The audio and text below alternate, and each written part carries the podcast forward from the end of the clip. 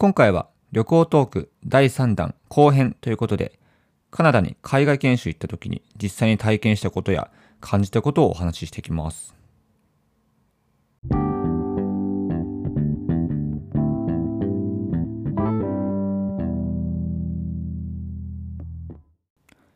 皆さんこんばんは。ヒロトのフラット独り言。本日火曜日お話をしていきます。はい。えー、今回はですね、旅行トーク第3弾後編ということで、えー、昨日の前編では、まあ、僕自身が、まあ、カナダの、えー、ホワイトホースというところに、まあ、海外研修行ったお話だったんですけども、まあ、実際にホワイトホースって、まあ、どういうとこなのとか、あとはどういうとこに行ったのってね、ことをちょっと軽くお話しさせてもらったんですけども、えー、今回後編ではですね、実際に海外研修やってみて感じたこと、あとは、ね、見て非常に感動したものなんかを、えー、お話をしていこうと思います。はい。そうですね。まあ、昨日も言ったように、えっ、ー、と、僕はですね、え、大学2年生の時に、あのカナダの、ホワイトホースっていう、あの、いわゆる大自然が広がっていて、本当に野生的な、はい、まあ、とこで、約1ヶ月間、あの、過ごしたわけなんですけども、うん。まあ、そこではですね、まあ、ホストファミリーの家に、あの、泊まらせて、うん、一緒に過ごしたりとか、あとは、まあ、現地の大学に通って、その、まあ、文化とか、あとはね、まあ、食とか、いろんなものを学んできました。はい。まあ、そんな、まあ、カナダのホワイトホース、うん、の生活はもうね、まあ、今の日本での生活に比べたら180度違いますね。うん。まず、あの、昨日も言ったように、交通機関があんまり発達してなかったりとか、あとは、そうですね、気候も全然違うので、うん、まあ、向こうの気候はもう、冬は極寒の地ということで、はい、もうなかなかもう経験できない体験を、まあ、してきました。はい。えー、そんな1ヶ月の生活で、僕がね、やっぱ感じたことたくさんあります。はい。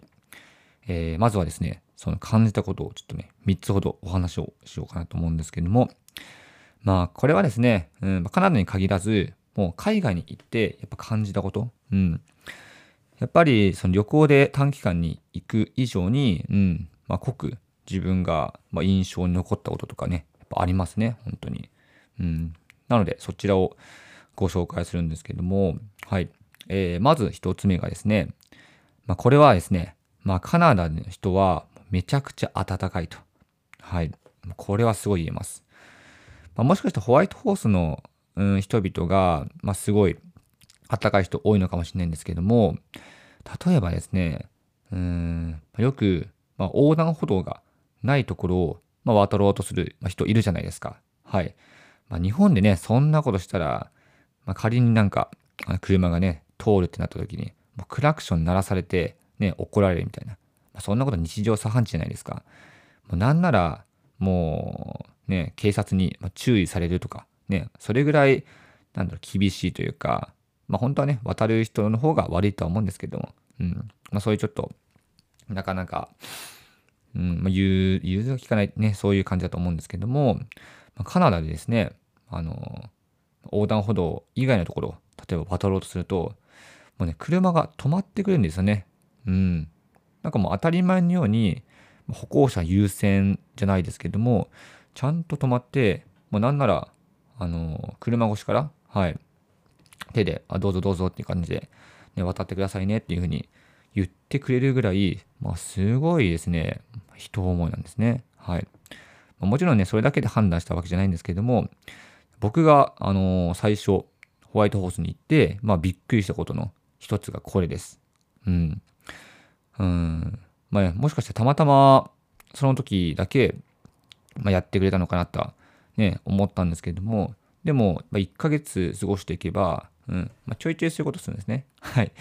もう、なんていうか、まあ、横断歩道までね、ちょっと遠いから、うん、途中で渡っちゃうみたいな、そういう、ね、悪い心が働くわけなんですけども、そういう時でも、もう全然、なんだろう、うん、まあ、快く、うん、まあ、渡ってくださいね、というふうに言って、ね、くれたりとかするので、うん、そこら辺はすごいあったかいなと思いました。まあ、もちろんね、そんだけじゃなくて、あの実際に、まあ、現地の方とお話をする機会がたくさんあるんですけども、はい。えー、僕ですね、特に、あのー、まあ、仲が良くなった人が一人いて、で、それがですね、あのー、まあ、基本的には、まあ、留学、まあ、海外研修っていう形なので、まあ、カレッジ、うん、いわゆるユニバーシティの大学よりもちょっとちっちゃい規模の、まあ、カレッジってとこに通ってはいたんですけれども、そのカレッジに通うまでに、まあ、バスで行くわけなんですね。うん。さすがに、まあ、距離の問題もありますし、もう外はすごい寒いので、まあ、歩きで行くことはもうほぼほぼできないと。うん。で、バスで行くわけなんですけども、で僕が乗ったバスっていうのが、あのえっと、2回乗り換えがあるのかな。うん。あ、1回そうですね。1回乗り換えてまた乗り換えるので、だから2回バスを使うんですよ。うん。なので、その途中で、まあ、降りる、まあね、バス停があるわけじゃないですか。うん。で、そこの降りたバス停っていうのは、はい。まあ、しばらくバス来ないわけなんですよ。そう。なんかね、もうバス自体も、えー、っと、もう30分に1本だったかな。はい。特に朝は本数が少なくてですね、僕はその間、その近くにある、まあ、スターバックスで、ね、ちょっとお茶を飲みながら、うん、いつも、なんだったっけな、えっ、ー、と、紅茶か、紅茶を飲みながら、はい、いつもそこで待機してました。毎日、紅茶の茶葉を、ね、入れ替えて、それもね、選ぶの楽しみだったんですけども、うん、そういった感じで、まあ、次のバスを待ってまして、で、その、バスを、えっ、ー、と、待ってる間ですね、うん、いつもあるおばちゃんみたいな人がいるんですね。ちょっと体も大きくて、うん、で、その人はいつも、まあ、自転車をあの持っていて、その自転車を、えっ、ー、と、バスに積んで、いつもバス乗ってるんですね。はい。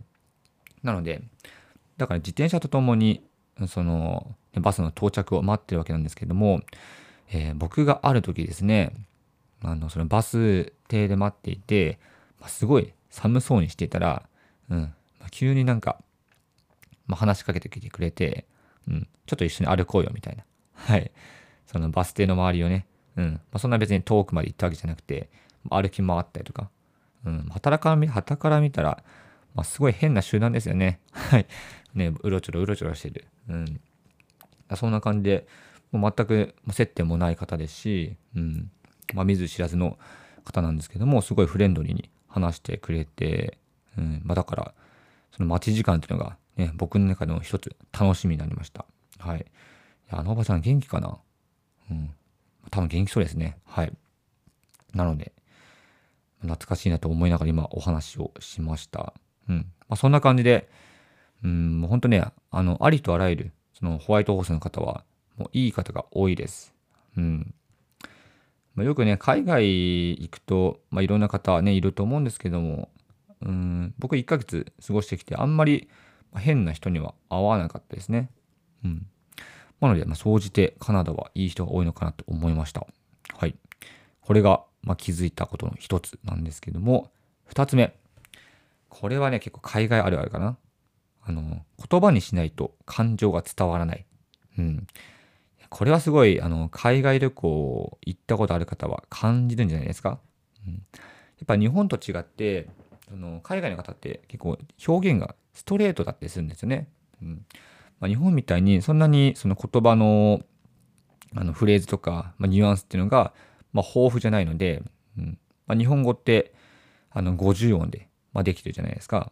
で一方で海外っていうのはその 26, 個のアルファベットで、まあ、構成されててかつその表現っていうのもね一つの単語に、まあ、そんなにたくさん意味がなかったりとかもするので、うんまあ、どうしても表現っていうのはストレートになりがち。だからこそその言葉にしないと感情が伝わらない。うんまあ、よくあるじゃないですか。なんか黙ってると、うん、誰かが話しかけてくれるみたいな。はい。でそういうことは日本あのありがちかもしれないんですけども、海外だと基本的にはないですね。うん、やっぱ自分が例えば不安に思ってるんだったら、その不安に思ってることをあの片言の英語でもいいから、まあ、伝えないと伝わらないですし、うん、何かこうしてほしいっていう要望があったら、うん、ちゃんと自分の考えを言わないと、うん、相手もね、理解してくれないですしっていうことで、すごい、まあ、言語的な表現っていうのが重要になってくる。うん。なので、だからこそ、僕気づいたことがあったんですけども、よく、大学で、あのー、ね、外国人の方が、まあ、留学来てるじゃないですか。相方ってもう、なんだろうな、ま、すごい頭もいいですし、まあ、何しろあの自分で話す力が強いんですね。うん、そういうのもやっぱり言葉にしないと伝わらない環境で、まあ、育ってきたからこそ、まあ、相手方で自分の意思を伝えるのがうまかったりとか自分の感情表現っていうのが、ね、言葉を通じてあのうまくできたりとか、うんまあ、するのかなってそう思いました。うん、これは本当に、まあ、1ヶ月過ごしてみてすごい感じたことなので、まあ、ある意味でね、まあ、僕自身も鍛えられましたそういう意味では。あこの日本の感覚でいたら自分の思いってもう一生伝わらないままこの1ヶ月終わるなと思って。はい。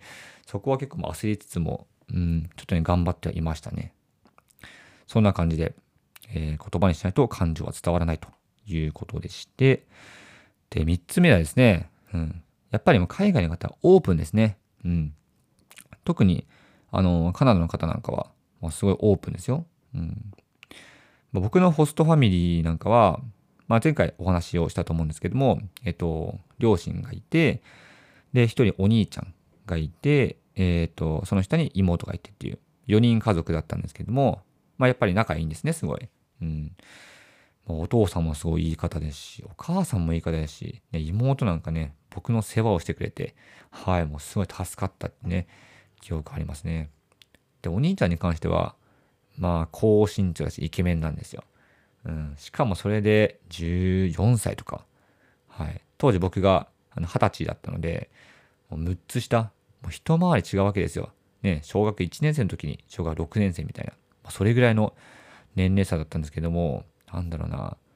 いろんな意味で勝てる気がしなかったですね。はい、あもうこんなパーフェクトな13歳14歳いるんだってね思ったぐらいで本当にもう、まあ、みんないい方であのあったかい環境であの過ごすことができたわけなんですけども、はい、その中の、えー、家族内での、ね、愛情表現というのがうん、まあ、結構露骨にありました。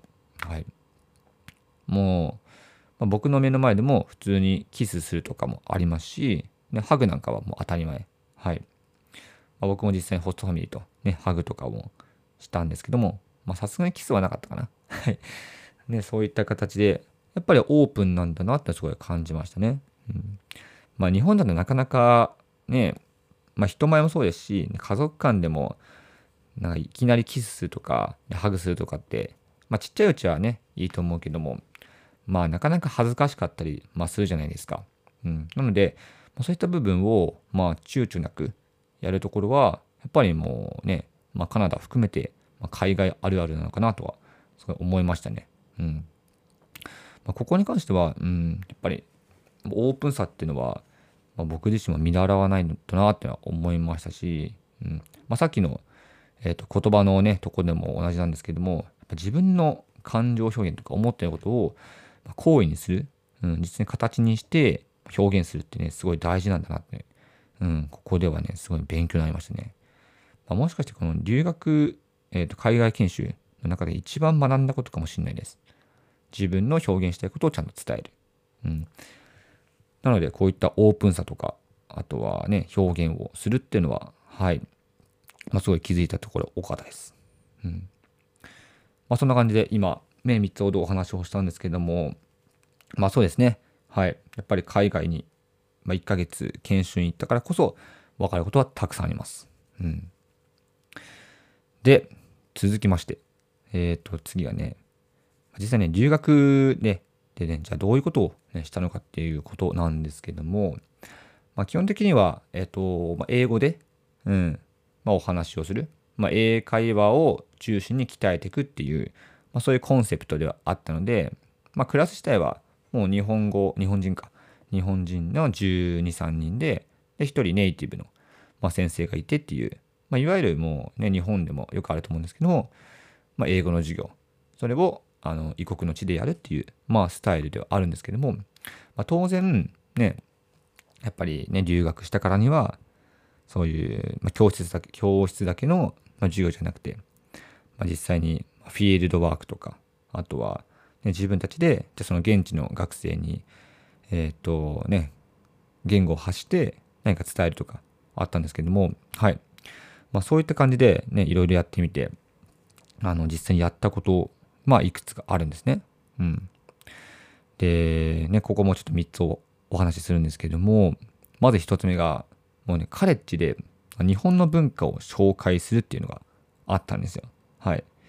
まあ、普段は、えっ、ー、と、まあね、普段は、その現地の、まあ、カナダの、ね、文化とかを、まあ、英語で学ぶとか、うん、あとは、まあ、食についてを英語で学ぶとか、うんまあ、音楽を、うん、実際に聞いて、それについてま議論するとか、ね、そういうことをやってたんですけども、あの、カナダ、えっ、ー、と、留学中の、えっ、ー、と、ね、いつだったっけ中日ぐらいか。中日のどっか一日で、もう今度は逆に日本人が自分たちの文化を、えっ、ー、と、カレッジの学生さんとか、あとはスタッフさんに、ま伝えようみたいな、まあ、そういう企画があって、で、僕らは何やったかっていうと、あのまあ、自分たちね、12人いるので、え、ー、と、12人それぞれが、え、ー、と、伝えたいものを伝えるっていうね、ことをやりました。はい。で、僕はですね、その中で、あの、けん玉、うん、まあ、あるじゃないですか、あの、玉がついた、ね、お皿がついた遊びあると思うんですけども、あれを、あの現地の人に紹介するってことを僕はやりました。もともと自分自身が、まあ、けん玉が、ね、好きっていうのもありましたし、ちょっとかじってたのもあって、本当にもう初心者の方からすると若干、うーん、うまいかなっていうぐらい。うん。まあ、それぐらいのレベルだったんですけども、でもね、せっかくの機会だから、こういうのを実践を通じて、まあ、伝えようかなと思って実際に伝えました。はい。で、そこで、まあ、気づいたことあるんですけども、やっぱり実際にやらないと伝わらないものって、ね、言葉をで伝えるって難しいなと思いました。はい。例えばですね、うんと、けん玉の技で、ともしかめっていうのがあるんですけども、あれを英語で伝えるとなると、まあ、すごい難しいんですよね。うん。まず大皿を何て言うか、大皿は、何て言うんですかね。ビッグプレート。はい。うん、小皿がスモールプレート。うん。まあちょっとね、ちょっと忘れてしまったんですけども。っていう感じで、ね、言葉で伝えようとするとね、結構もぎこちなくなるんですね。なので、僕が思ったのは、やっぱ実際にね、やってもらうことでしかね、うん、まあ、伝わんないということで、まあ、とにかく、その、まあ、ブースみたいなとこがあって、そのブースで、あの、まだね、実演してたんですよ。うん、で、実演すると、ああ、なんだなんだってことで、あのね、集まってくるんですね、人が。で、その集まってきた人に対して、うん、まあ、実際にやってもらう。うん。で、やってもらって、じゃあね、ポイントだけお伝えするっていうね、それをやってました。はい。まあ、ポイントって言っても、なんだろうな、けん玉のうまくやるポイント。まあ、膝のクッションを使って、あの、やるっていうのは、ね、一つ、あの、コツとして、ね、うまくやるコツとしてあるので、だから、なんだろう、膝を使う、use your knee みたいな、はい、ことを言ってましたね。まあ、でも、なんか、うん、まあ、大事な部分ってね、そういう、まあ、英語でうまく伝えることじゃなくて、いかに、まあ、楽しんでもらうか。はい。だと思うので、まあ、実際にね、やってもらった、あのー、まあ、現地の方も、なんかね、もう本当フォームとかめちゃくちゃなんですよ。はい。あもう絶対ね、それのままだとね、なかなか、ね、お皿乗んないよっていう、ね、ものでも、やっぱね、もう楽しんでやってるんですね。うん。まあ、向こうの方だと別に、まできなくても本当にね、笑いながらやってるんですよ。ああ、できなかったね、みたいな。そういう感じで、あのー、ね、けん玉に取り組んでる姿を見て、あ、なんかもう、言葉で伝えるんじゃなくて、うん、一緒に楽しむっていうのが、ね、すごい大事なのかなって思いました。うん。まあ、実際にやって、あのー、ね、一回でも、ね、のお皿に乗ったりすると、これ僕自身もね、すごい嬉しかったんですよ。なので、なんかもう改めて自分の文化を発信したことで、なんかそこの喜びもありましたし、ね、気づきもたくさんあったということで、ね、あまあなんか留学で文化で学んでるなとか、ね、そういう意識をすごい持つことができました。はい。そんな感じで、え彼てた日本の文化を紹介したわけなんですけども、はい。えー、と、もう2つ、まあ、留学で実際に体験したこと。えー、ね、2つ目は、これは、あの、オーロラ。オーロラです。はい。もうね、ホワイトホースっていうのは、あの、オーロラの鑑賞地として、まあ、すごい有名なとこでして、うん。よくね、カナダの中でも、まあ、2大スポットがあるんですよ。オーロラが見られる。で、うち一つがホワイトホースで、もう一つが、あの、有名なイエローナイフ。はい。まあ、どちらも非常にね、あの、北の高知の方にあるんですけれども、まあ、今回はね、1ヶ月間、まあ、あのホワイトホースに滞在したっていうことで、まあ、言ってしまえば、もうほぼほぼ毎日、まあ、見られるチャンスがあるんですね。はい。で、実は僕もこのホワイトホースを選んだ理由っていうのも、あのー、ね、オーロラが見られるから。それがね、もうね、まあ、パーセンテージの9割を占めてます。はい。他のなんか日本人の、ね、人も、ね、聞いても、大体なんかオーロラが見られるからとか、うん、犬ぞりが、ね、できるとか、まあね、勉強する内容よりも、アクティビティの方で、まあ、決めた人、ね、結構たくさんいたので、あ、なんか、うん、同じような人が集まったなって、そう思いました。はい。なので僕は、まあ、ホワイトホースに決めた理由は、もうオーロラが見られるからということで、やっぱりね、一生に一度は、まあ、オーロラ見たいじゃないですか。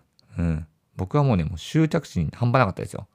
もうね、うーん、もう絶対に、なんだろう、動くオーロラ。もうね、ザ・オーロラっていうものを見ようということで、毎日、まあ、夜遅くまで起きてましたね。結構ああいうのって、あの、深夜とかに、現れ始めたりするので、だからね、基本的には寝る時間はね、もう12時から、まあ、外に出て、えっ、ー、と、見始めるので、もう1時日とか、もう普通でしたよ。なので、まあ、次の日が、もうね、朝眠いみたいな、まあ、そんな1ヶ月でした。はい。まあ、なんですけども、やっぱオーロラ見るのって、あの本当に気候がちゃんと澄んでいて、で、なんですかね、まあ、いろんな条件あるんですよ。うん。その条件っていうのも、まあ、オーロラの予報みたいなのがあって、それを見て、あ、今このレベルだから今日はね、うっすら見られそうだとか、あ今日すごいレベル、まあ、一応10まであるんですけども、レベル9とかだから、あ、もしかして動くオーロラ見られるんじゃないかっていうことで、もう毎日毎日ワクワクしてました。うん。まあ、なのでね、こういうのアクティビティね、自分の夢だったことが実現できたっていう意味でも、このオーロラ鑑賞すごい良かったですね。はい。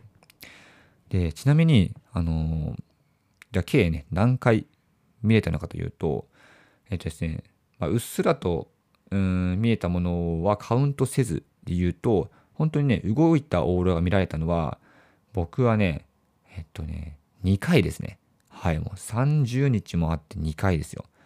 結構ね、確率低いなと思ったんですけども、で、その一番見れた、えー、その1回っていうのが、本当にね、あの、カナダから日本に帰る直前の、本当に飛行機に乗る、あの、1、2時間前ぐらい。はい、その時に見られたんですよ。あ、1、2時間はちょっと持ったな。えー、っとですね、あ、その飛行機の、えー、っと、空港か、空港に行かないといけない、本当にもう2、3, 2 3時間ぐらい前。はい。そこで見ることができたんですね。うん。で、その時の見たオーロラっていうのが、もうね、感動を通り越してましたね。うん。いやー、なんだろうもうね、ずっと動いてますし、なんかもうね、天空上で、うん、まあ、映画を見てるみたいな。うん、ちょっとね、表現独特とかな。はい。ほんとそんな感じで、いやーね、もう、僕思わずですね、もう走り回ってましたね。オーロラが、ね、揺れてる間。わ、すげえ、わ、すげえとか言って、うん、本当に走り回るぐらい。なんかね、子供に戻った気分。本当にそんな感じになります。うん。なので、いやーね、夢が叶った瞬間っていうのは、もう人間何するかわかんないというふうに感じた、そんな、まあ出来事でした。はい。なので、オーロラは、うん、見えたの良かったです。はい。はい。えっ、ー、と、ね、3つ目はですね、あのー、ホワイトホースに、お祭りがあるんですね。ホワイトホースに。はい。で、それが、ユーコン、えー、沢でランデブーっていうね、あの、冬に3日間のお祭りがあるんですけども、はい。まあ、ちょうどその、あ海外研修行ってた期間っていうのが、そのお祭りの、まあ、期間でして、うん。まあ、ちょっと被ったので、ね、僕らも当然行くわけじゃないですか。はい。でですね、まあ、そのお祭りっていうのがね、まあもう本当にユニークでして、うん。本当にいろんなことしてるんですよ。例えば、あのね、まあ、これびっくりしたのが、まあ、競技があるんですね、競技。うん。その競技っていうのも何やってるかっていうと、なんか丸太投げとか、ね、チェーンソー投げとか、はい、もうへんてこなものが多いんですね。もうチェーンソー投げって何？みたいな。ね。チェーンソーって投げちゃダメでしょってね、最初思ってたんですけれども、まあ、これがですね、意外と盛り上がってるんですよ。うん。あの重いチェーンソーをどこまで遠くまで投げられるか。うん。結構ね、いろんな一般の方が参加してて、思わずね、僕も見入ってしまいました。うんまあ、もちろんね、チェーンソーのスイッチ入ってたら危ないのでね、まあ、完全にあのオフの状態でやってるわけなんですけども、うんまあ、意外とそういう、ま、へんてこなもね、ことが、あのまあ、はまってしまったので、まあ、すごい面白かったですね。はいえー、あとはですね、雪の彫刻が、うん、飾ってあるんですよ。まあ、これは冬のお祭りならではのものだと思うんですけども、まあ、日本でもあるかな、そういう、まあ、雪の彫刻を、えー、その冬のお祭りの期間にあの飾っておくみたいな、あると思うんですけども、あの、このユーコン、ね、ホワイトホースのこのランデブーの、ね、お祭りでは、もうね、世界各国のあの雪の彫刻があの飾ってあるんですね。はい。まあ、すごいですよね。日本のものもちなみにありました。うん。日本のやつは、あの、マリみたいな、マリにリボンがついた感じの、えっ、ー、と、まあ、彫刻が飾ってあって、うん、本当に綺麗でしたね。雪でこんなにすごい作品が作れるんだってね、まあ、改めて、ね、感動したのと、うんまあ、それがね、もう、まあ、各国、いろんな国ありましたよ。アメリカもありましたし、えっ、ー、と、ヨーロッパの方もあったかな、確か。うん。まあ、ちょっとね、そこが記憶曖昧なんですけども、本当にね、もう楽しませてもらうことできました。うん。まあ、結構ね、僕も写真撮りましたね、こういうのは。はい。なので今、僕の iPhone のフォルダの方に入ってるわけなんですけども。うん。えー、あとはですね、あの、やっぱり、ね、グルメが、ね、すごい美味しかったですね。ランデムでは。特にもうスイーツが美味しくてですね、そのスイーツで有名なのが、あのメイプルシュガーっていうわかりますかね？あの、メープルシロップを雪の上で凍らせて、あの、それをキャンディーみたいにして食べる。うん。あれが、本当もね、この、定番中の定番の食べ物で、うん。まあね、言ってしまえばただ、メープルシロップを凍らせただけなんですけども、なんかもうすごい美味しかったのを覚えてます。うん。僕は3日間の、えっ、ー、と、お祭りで3日とも行ったわけなんですけども、3回食べましたね。はい。そのシュガーシャークを。なので毎日必ず、あの、そこのお祭りに行ったら食べるってね、まあ、習慣にしてました。いや、今でもその味、ね、覚えてるんですけども、うん。やっぱ甘い。うん。甘いんですけども、やみつきになる。そんなものなので、もし行った場合には、ぜひとも、あの、味わってほしいなと思います。はい。えー、そんな感じで、そうですね。僕が特に、まあ面白かったというか、ね、感動したのは、まあ日本の文化を紹介したこと、あとは、オーロラ、そしてランデブでの、あのー、ね、お祭り参加ですね。うん。そんな感じで、もうね、あ、めちゃくちゃ喋っちゃったな。今日もう30分くらい喋ってるんですけども、本当にやっぱり、まあ、海外研修、うんまあ、人生をね、なかなかあの体験できないことなので、まあ、しかも、この1ヶ月間っていうのは全くの非日常、180度は違う環境で、えー、と過ごすことができたので、まあ、本当にですね、うんまあ、自分の中では、まあ、かけがえのない体験にはなりました。はい。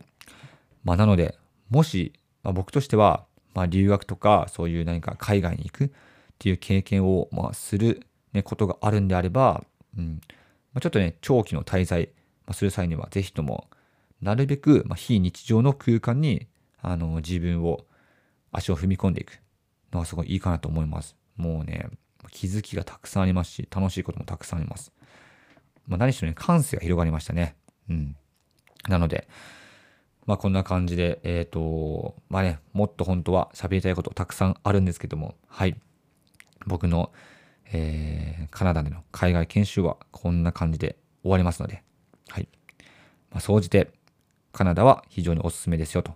うん。特に、まあ、日にちを味わいたいなら、ホワイトホースおすすめですよということを、えー、最後伝えて終わろうかなと思います。はい。えー、今日はこんな感じで旅行トーク第3弾後編ということで、えー、お話をしました。えー、いかがだったでしょうか？また元気に配信をしていきますので、お楽しみにしていってください。はい。それでは、バイバイ。